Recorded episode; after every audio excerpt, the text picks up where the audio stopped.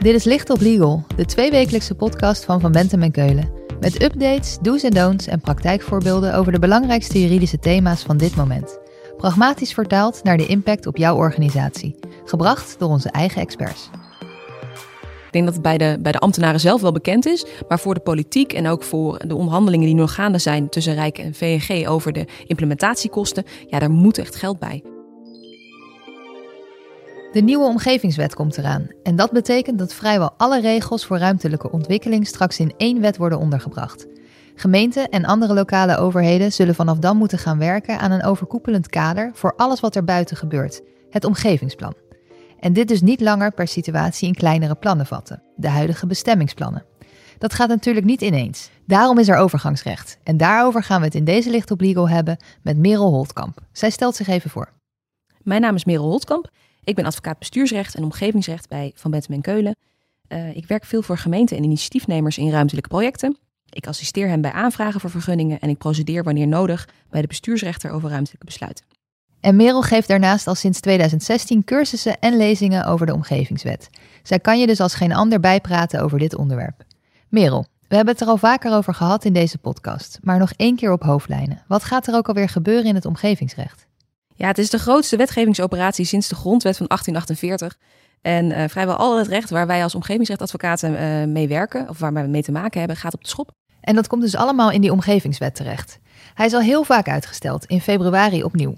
Het wordt in ieder geval niet 1 juli 2022. Maar welke datum dan wel? Ja, ik ben benieuwd of ze het op het ministerie al weten. Ik denk het niet. Um, uh, ja, het digitale stelsel, dat is, dat is waar het vooral blijkt te hangen. En uh, er moet nog in de Eerste en Tweede Kamer over gesproken worden. Dus het lijkt erop alsof we dit pas in maart of april gaan weten. Dat lijkt me rijkelijk laat. Ja, zeker als je bedenkt dat dit een wetgevingsoperatie die al uh, bezig is sinds 2011. De wet is aangenomen in 2016. Maar je moet echt niet vergeten dat, dat het zo'n immense operatie is dat het eigenlijk zijn gelijke niet kent. Dus het is ook super ambitieus wat, wat, het, ja, wat het Rijk hier heeft neer willen zetten.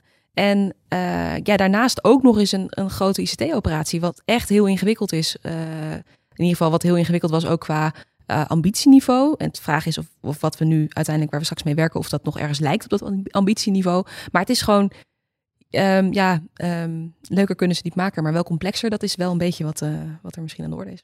Maar hoe dan ook, er gaat een periode van overgangsrecht komen. Wat zijn nou de belangrijkste dingen die we daarvan moeten onthouden? Ja, echt een hele belangrijke hoofdregel uh, is dat een vergunning onder het oudrecht, een omgevingsvergunning onder het oudrecht, is ook een vergunning onder nieuw recht. Um, alle oude bestemmingsplannen die gemeenten uh, nu hebben vastgesteld, die worden van rechtswege, daar hoeft de gemeente dus niks voor te doen, onderdeel van het tijdelijk deel van het omgevingsplan in die gemeente. En een uh, laatste belangrijk uitgangspunt is dat als je een nieuwe aanvraag hebt ingediend als initiatiefnemer, dat die vanaf de inwerkingtreding van die wet, dat die dan onder het nieuwe recht moet worden afgehandeld. Maar als je hem indient voordat die wet in werking is getreden, dat, dat die dan ja, volgens het oude uh, wet, wettelijk kader wordt afgehandeld. Laten we bij de eerste beginnen. Je zegt omgevingsvergunningen blijven vergunningen. Dat lijkt me eenvoudig, toch?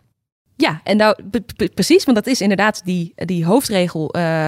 Uh, als jij nu een, een, toestemming hebt om een, bouw, om een bouwactiviteit uit te voeren, dan is dat straks ook diezelfde toestemming. En dat geeft dus wel heel veel ja, uh, duidelijkheid en rechtszekerheid voor de, voor de praktijk.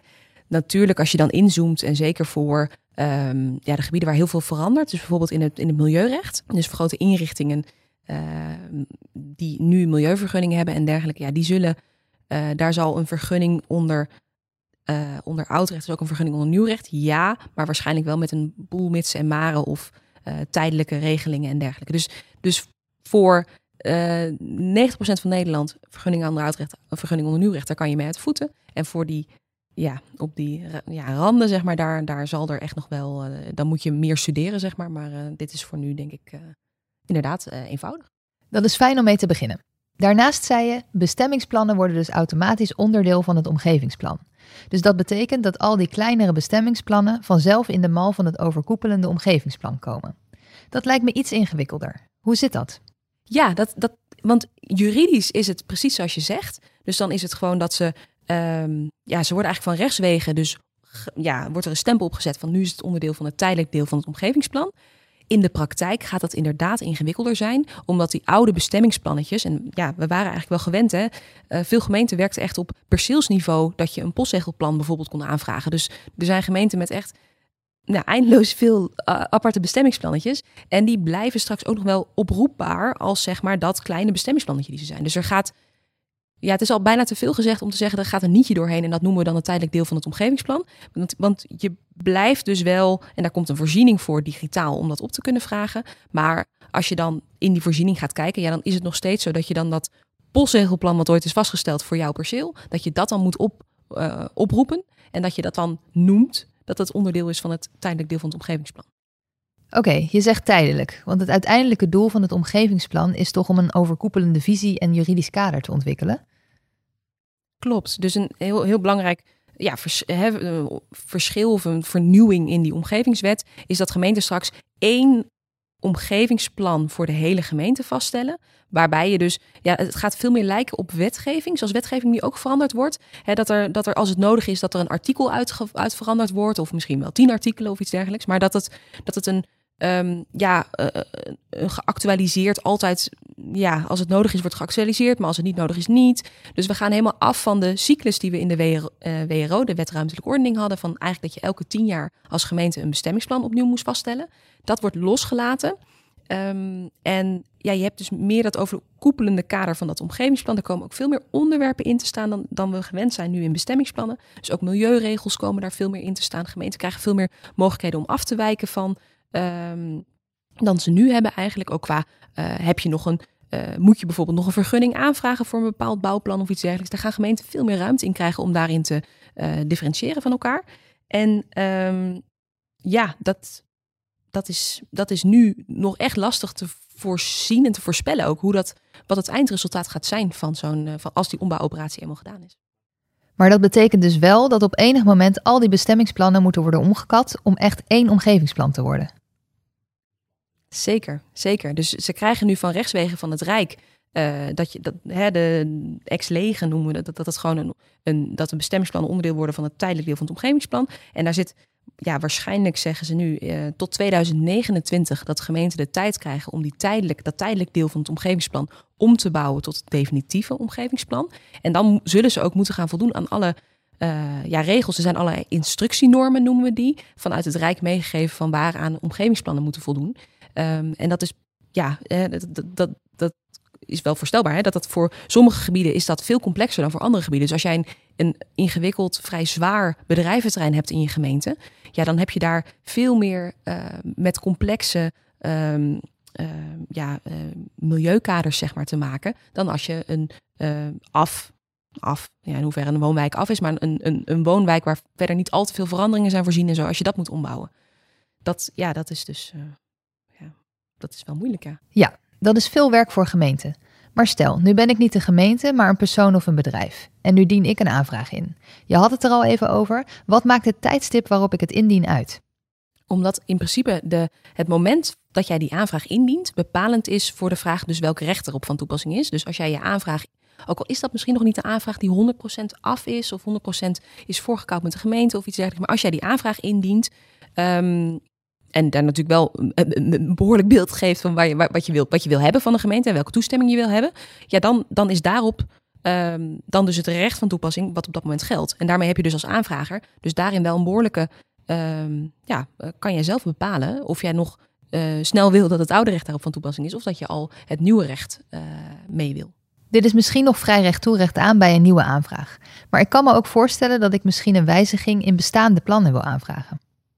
Ja, en, en zeker dus voor de aanvragen voor omgevingsvergunning, dan ben je als aanvrager bepalend. Want dan, uh, ja, dan is gewoon het moment van de aanvraag bepalend. Maar als jij een wijziging van het planologisch kader wil, en of dat planologisch kader nou een beheersverordening is, of een bestemmingsplan is, of uh, dat je. Uh, je hebt nu onder de wetruimtelijke ordening heb je ook nog het wijzigingsplan of het uitwerkingsplan. En dat wordt veel gebruikt in, ehm, bij de bouw van nieuwe woonwijken ja, als je van die instrumenten nog gebruik wil maken, ja, dan is niet het moment dat jij een aanvraag indient daarvoor bepalend, maar dan is het moment dat de gemeente het ontwerpbesluit uh, daarvoor ter inzage legt bepalend. En dan heb je dus als initiatiefnemer wel degelijk die overheid nodig Ehm, dat zij op tijd klaar zijn om voor de inwerkingtreding van de omgevingswet dan uh, dat ontwerpplan ter inzage te leggen. Dus je bent een klein beetje overgeleverd aan de gemeentegoden. Wat is voor hen nou de grootste opgave?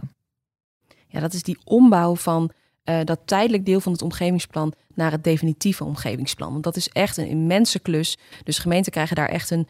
Um, ja, het is echt. Daar valt het werk wat nog bij de andere overheden, denk ik, verzet moet worden, echt wel bijna niet. Dat is echt het zwaartepunt van. Uh, van uh, ja, wat, wat, wat die transitie ook, ook moet zijn. Want daar moet eigenlijk alles in samenkomen. Hè? Dus ook de keuzes die je in omgevingsvisie als gemeente maakt, dat is je, je beleidskader ja, die moeten dan uiteindelijk landen in dat omgevingsplan. Maar er zit ook veel meer, omdat er, omdat er dus best wel wijzigingen in zitten in van wat je als gemeente nog.